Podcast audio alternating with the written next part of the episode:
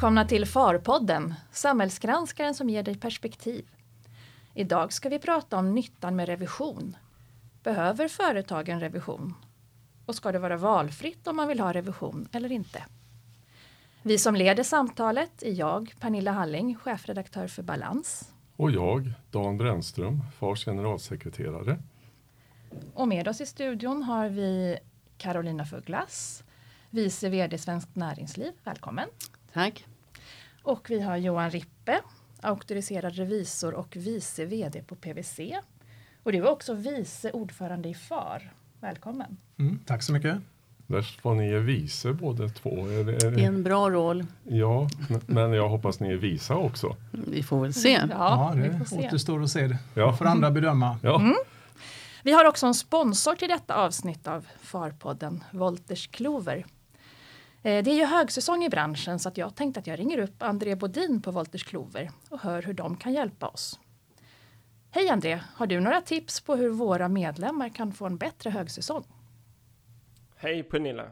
Vi på Wolters Klover har ju produkter och tjänster som gör att du oavsett storlek på byrån kan effektivisera högsäsongen. Till exempel Capego bokslut, byrå, revision, dokument och skatteinformation med skattesvar. Men jag tänker ge dig fyra tips. 1. Capegos integration med Fortnox. Skippa CI-filer och du får allting uppdaterat. På alla dina kunder i digitala byrån. Det är vi unika med. 2. Skatteinformation och skattesvar. Vi håller dig uppdaterad om skatteläget. Eller varför inte utnyttja skattesvar för en second opinion kring en skattefråga? 3. Digitala signeror med vår tjänst Peneo. Nu är det chansen. Nu kan du få alla dina eh, underskrifter digitalt signerade. Och du Pernilla, vi har uppdaterat dokumentprogrammet med de senaste rekomallarna från er på FAR. Det är väl bra va? Tack för mig! Tack André, det låter ju jättebra.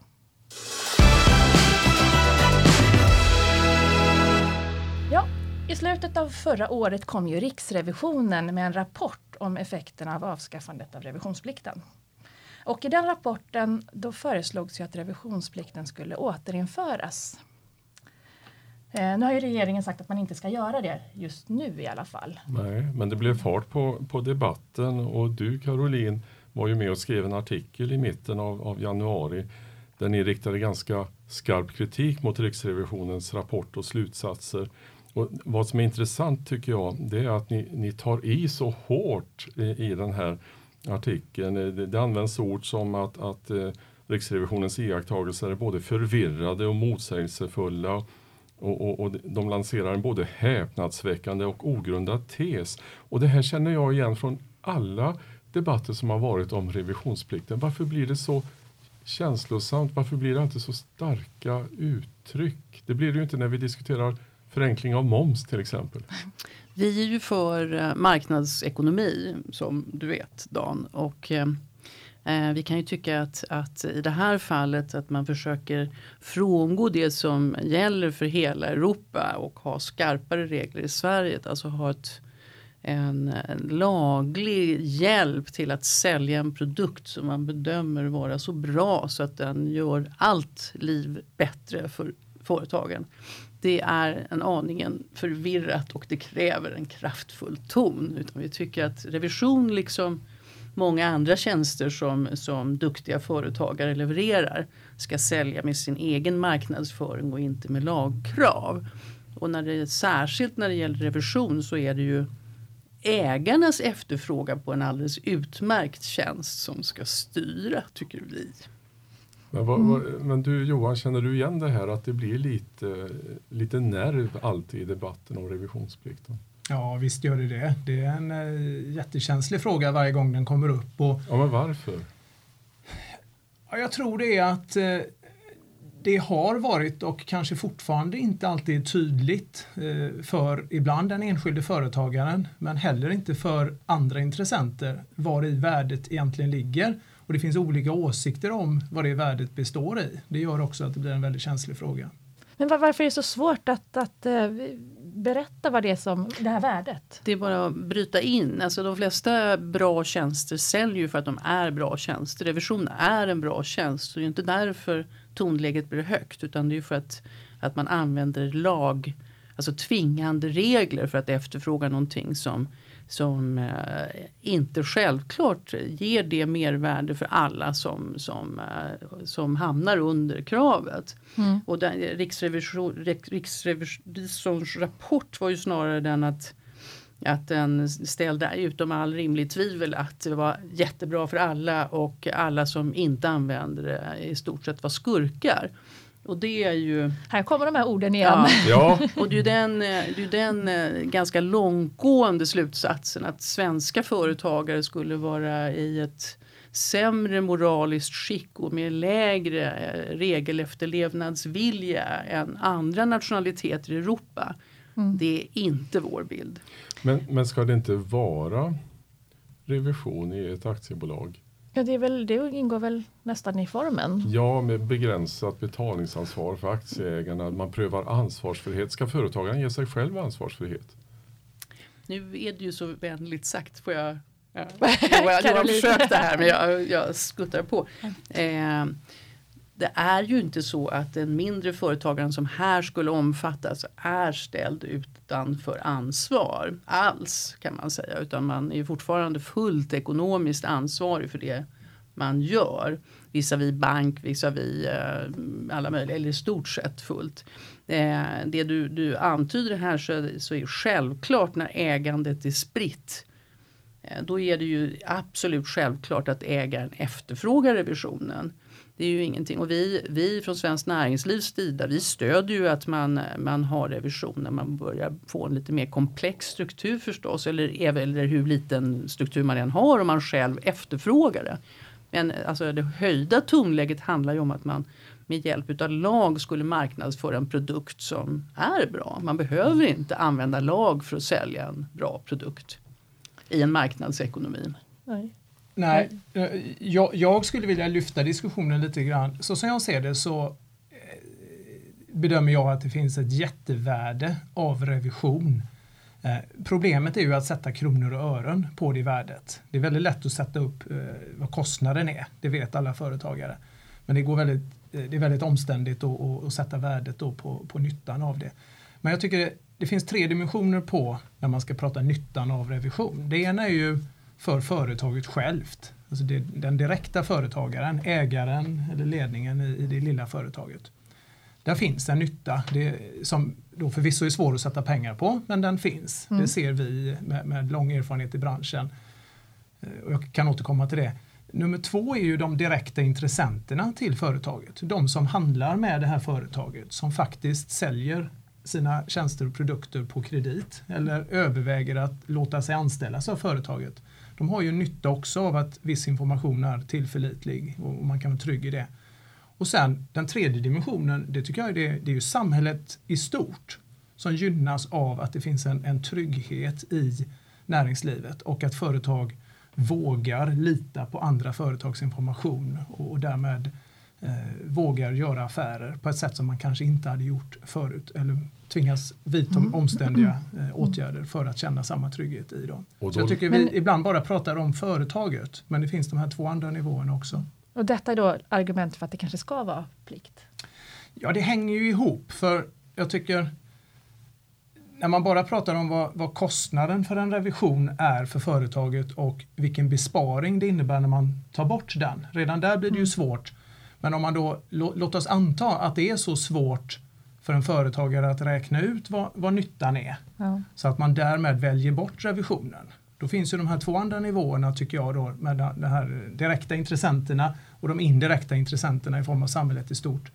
Och då, då kommer man in på, ska, ska varje enskild företagare välja själv? När det egentligen kanske är nivå två och tre här som är de stora intressenterna. Nu vill Kar- Caroline komma in.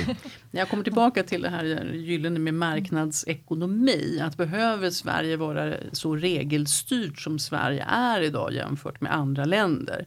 Och vi måste ju backa tillbaka till och se hur har de andra länderna i EU valt att göra? Hur har de andra nordiska länderna valt att göra? Hur har de som vi mest betraktar som vår peer group Men har Det de samma ju- ambition med ordning och reda som vi? Det är, alltså det beror på, eh, det tror jag säkert att de har för det första. Men eh, jag tror säkert att de har det. Jag kan ju inte uttala mig med vetenskaplig säkerhet i det här. Men är det så, alltså våra medlemmar är ju även eh, leverantörer, säljer på kredit till varandra.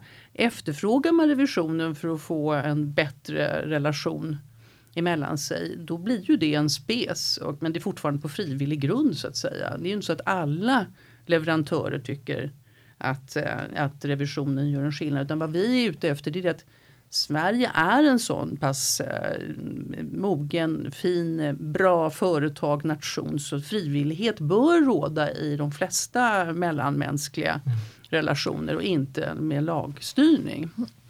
Ja, här, här, här kan jag slå fast ett par saker. Då. Jag och, och, och vi på FAR, tror jag de flesta är för marknadsekonomi och vi är i grunden för självreglering och valfrihet.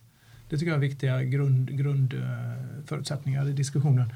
Jag tycker dock att med det lite grann vi var inne på med, med, vad det innebär att driva ett aktiebolag. Det är ju ett särskilt ansvar och det finns ett särskilt skydd för ägarna att driva ett, ett aktiebolag. Och eh, då, då tycker jag att som ett land med goda och höga ambitioner på ordning och reda eh, så, så eh, skulle man faktiskt sätta lite krav på att få driva aktiebolag då.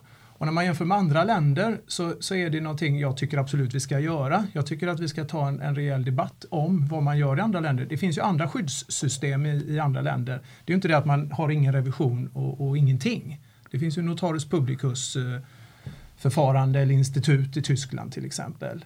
Man, man skulle ju kunna diskutera en annan typ av aktiebolagsform i Sverige också. Med helt annat storlek på aktiekapital eller också annat skydd. Ett AB Light alltså. Ja, det skulle man kunna göra. Det är lite grann, den här idén har ju funnits i EU med, med en euro i aktiekapital och engelsmännen har väl ett pund. Va?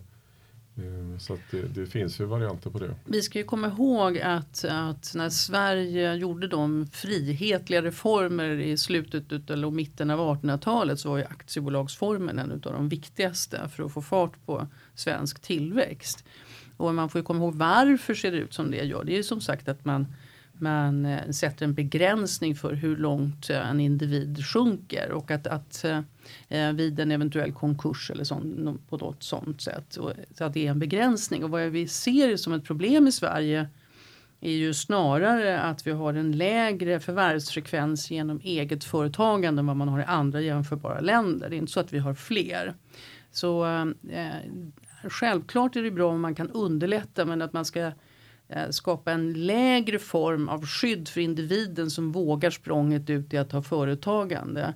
När det redan är så att eh, det sociala skyddsnätet är avsevärt lägre, man betalar lika mycket som alla andra in i arbetsgivaravgifter etc. Men man får inte samma skydd. Så man har en hög kostnad men ett lägre skydd redan som systemet är idag. Och att vi skulle gå ytterligare på den vägen. Det är ju ingenting som vi som företagarorganisation tycker är en särskilt god idé. Men Caroline, håller du med om att det finns intressenter som gynnas av revision i näringslivet förutom företaget självt? De här direkta intressenterna och samhället i stort. Ja, självklart. Jag, jag har ju en historia som aktiechef på Skandia och var ju väldigt förtjust i relationen med revisorn. Jag är själv egenföretagare och har revisor förstås. Men det är ju mitt fria val. Mm. Vi kommer tillbaka till revisionstjänsten är fantastiskt bra.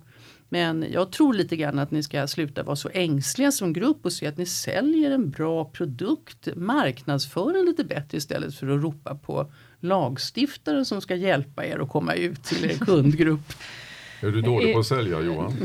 Ja, det, det kan, det, jag tror att vi kan bli mycket, mycket bättre på att tala om, om värdet. Det ska vi absolut vara självkritiska. Och jag har jobbat 23 år i branschen nu och jag tror sedan första dagen jag klev in på det företaget jag jobbar på, PVC, så har vi pratat om hur vi ska bli bättre på att förklara nyttan med revision. Så det, det behöver vi ständigt jobba med den frågan. Och, och, men det jag kan se, det är därför jag känner mig lite frustrerad i diskussionen, det är att när man har jobbat 23 år med stora och små bolag så kan jag ju se ett mönster och jag ser ju att välskötta bolag med god ordning och reda god intern kontroll som leder till att man vet vad man tjänar pengar på, man vet vilka produkter och tjänster man förlorar pengar på. De fattar också bättre och mer informerade och medvetna beslut.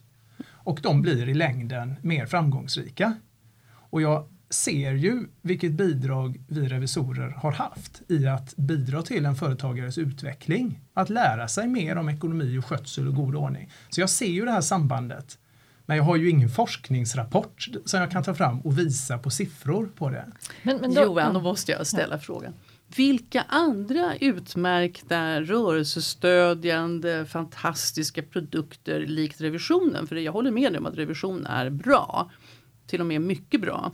Vilka andra produkter eller tjänster tycker du behöver lagstiftaren i ryggen för att sälja sin utmärkta produkt till sina kunder?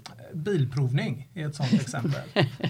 Det skapar trygghet för den enskilde bilföraren. Mm. Det skapar trygghet för de som är nu får direkt. du svar på tal. Ja, ja de direkta ja, intressenterna, de som, de, de som, sitter i bilkön, mm. vill, eller ute och kör, vill att de bilarna runt omkring en ska vara funktionsdugliga mm. och samhället i stort vill att det ska vara väl fungerande bilar ute på gatorna för att få ner sjukvårdskostnader och eh, andra, andra tragiska effekter. Vad kan vi då lära av bilprovningen? De gör ju uppenbarligen någonting som ni inte gör.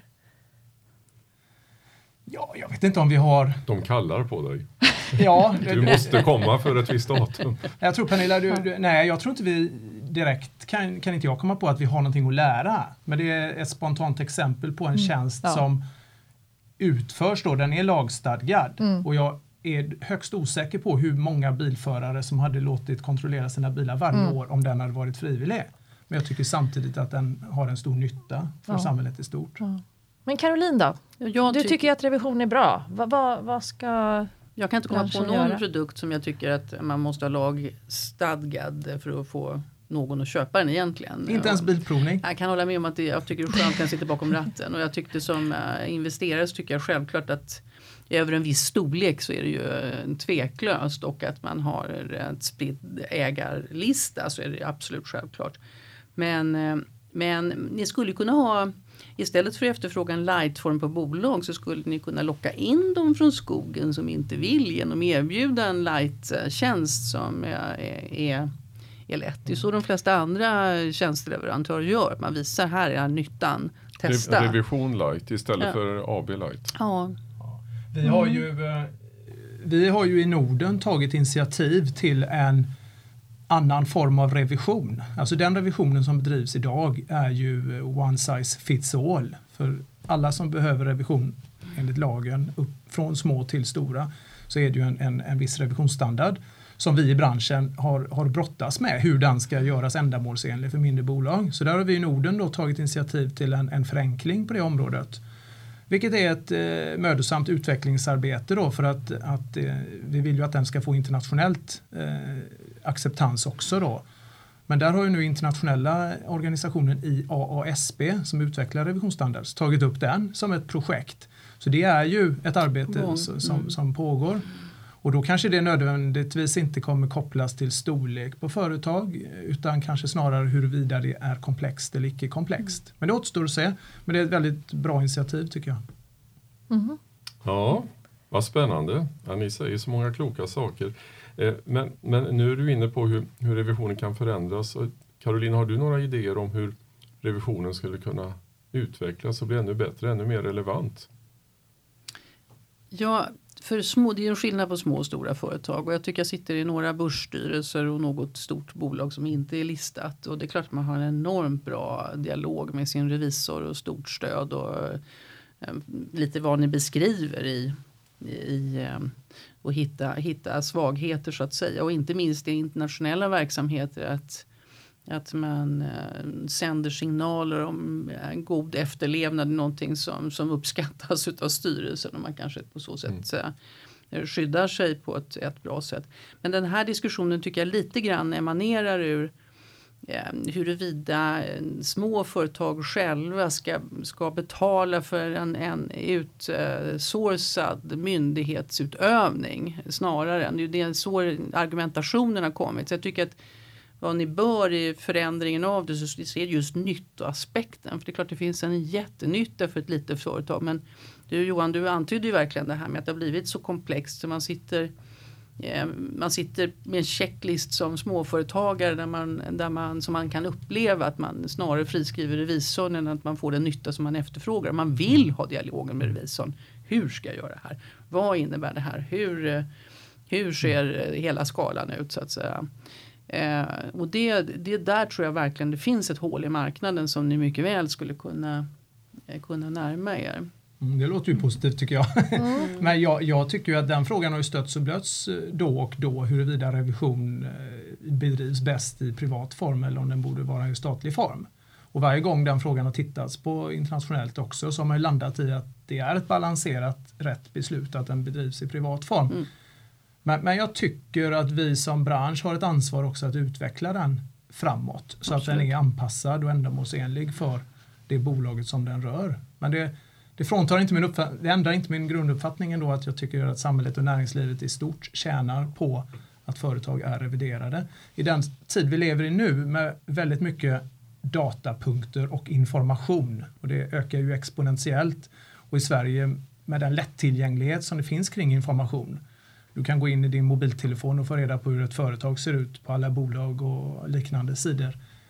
Så finns ett, ett, ett förtroendeproblem. Vi har ju, det är inte så att förtroendet totalt sett ökar i dessa tider. Det är snarare tvärtom. Så där tror jag vi som land, eh, vi ska hålla fanan högt och vara stolta över de ambitioner vi har.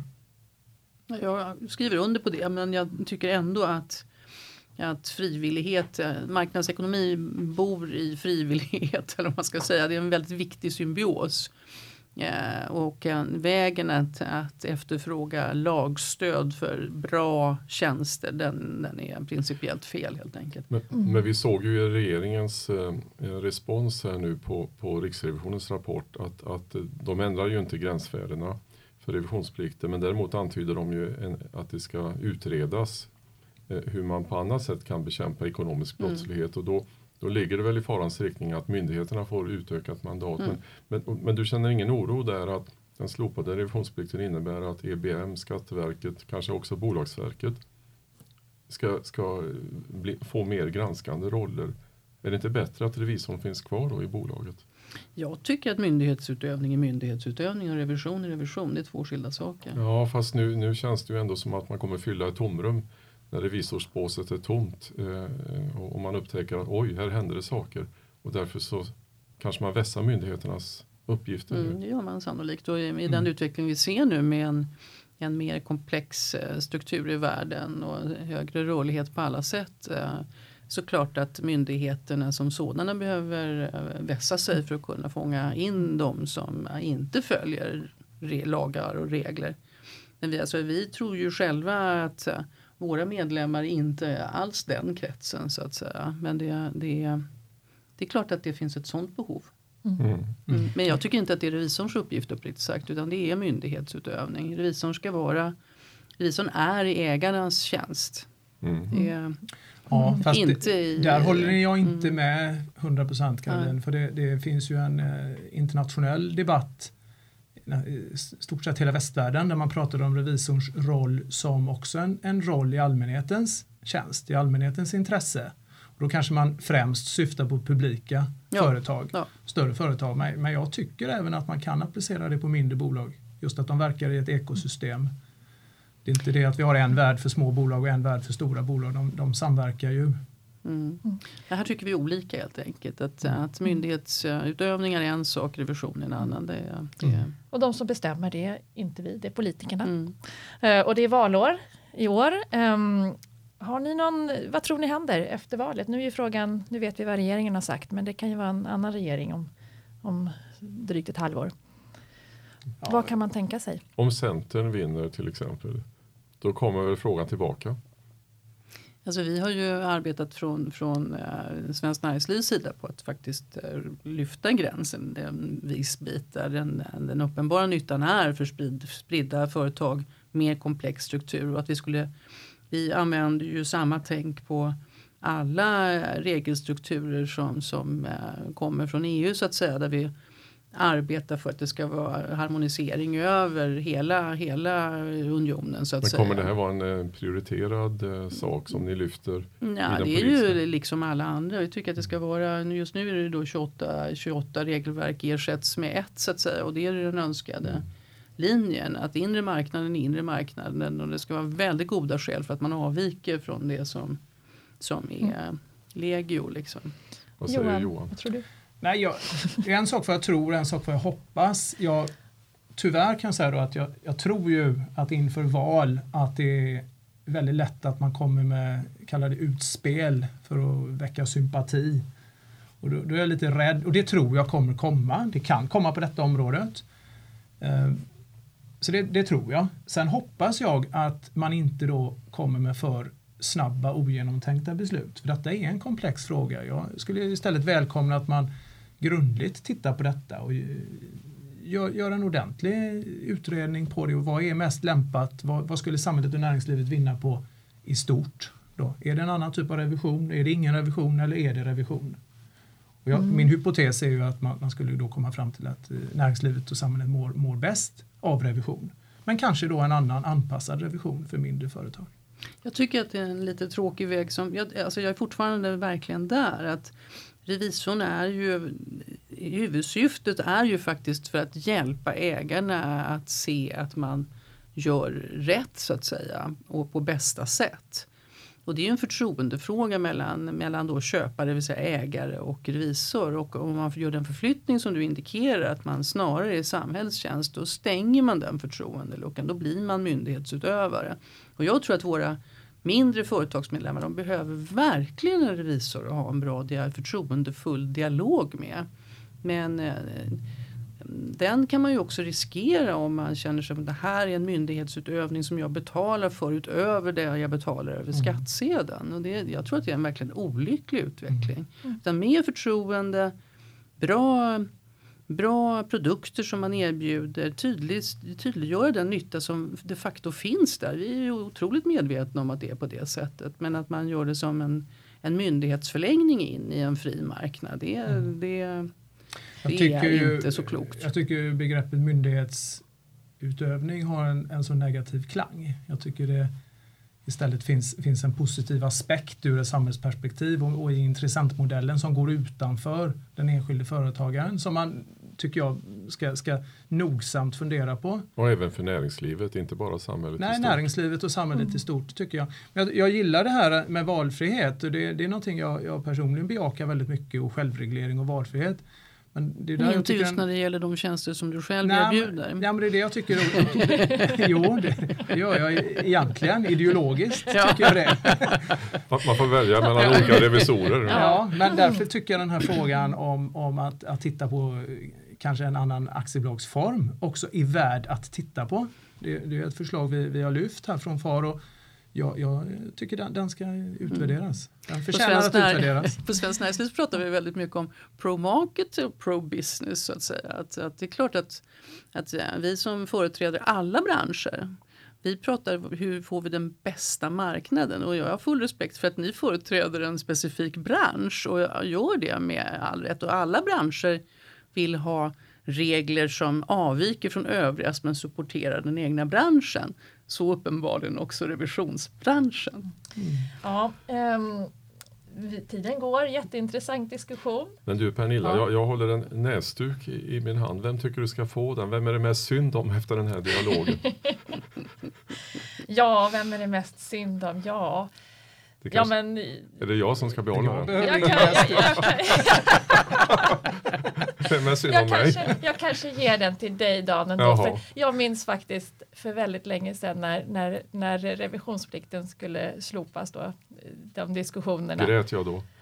Ja, det kanske du gjorde, men, men, men några stunder hade du heta, heta debatter med, ehm, med um, Svenskt Näringsliv, Burén var det va? Ja, Carl Gustaf Berén. Ja, Bland och andra. eh, sen fick du ju faktiskt vända lite.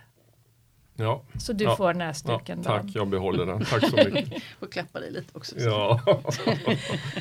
Tack eh, alla som har lyssnat och tack Caroline Tack. Kul och. Johan Mm, tack, kul att vara här också. ja, för att ni kom hit. Och eh, några saker är vi ju, vi, ni, eniga om. Det är bra med revision, Mm. men eh, ska den vara frivillig eller ska det vara någon form av kanske ja, Plikt. Jag är jättenöjd att vi är överens i den första frågan. Ja, men det är en bra grund i alla fall. Verkligen Ja. överens. Ni är Ja. jätteduktiga som Ja. grupp, som Så att- bransch. Ja, så att vi, vi har ju något bra att eh, utgå ifrån kan man säga. Och så kanske vi får tillfälle att fortsätta den här diskussionen. Tack så Mm. mycket. Tack. Tack.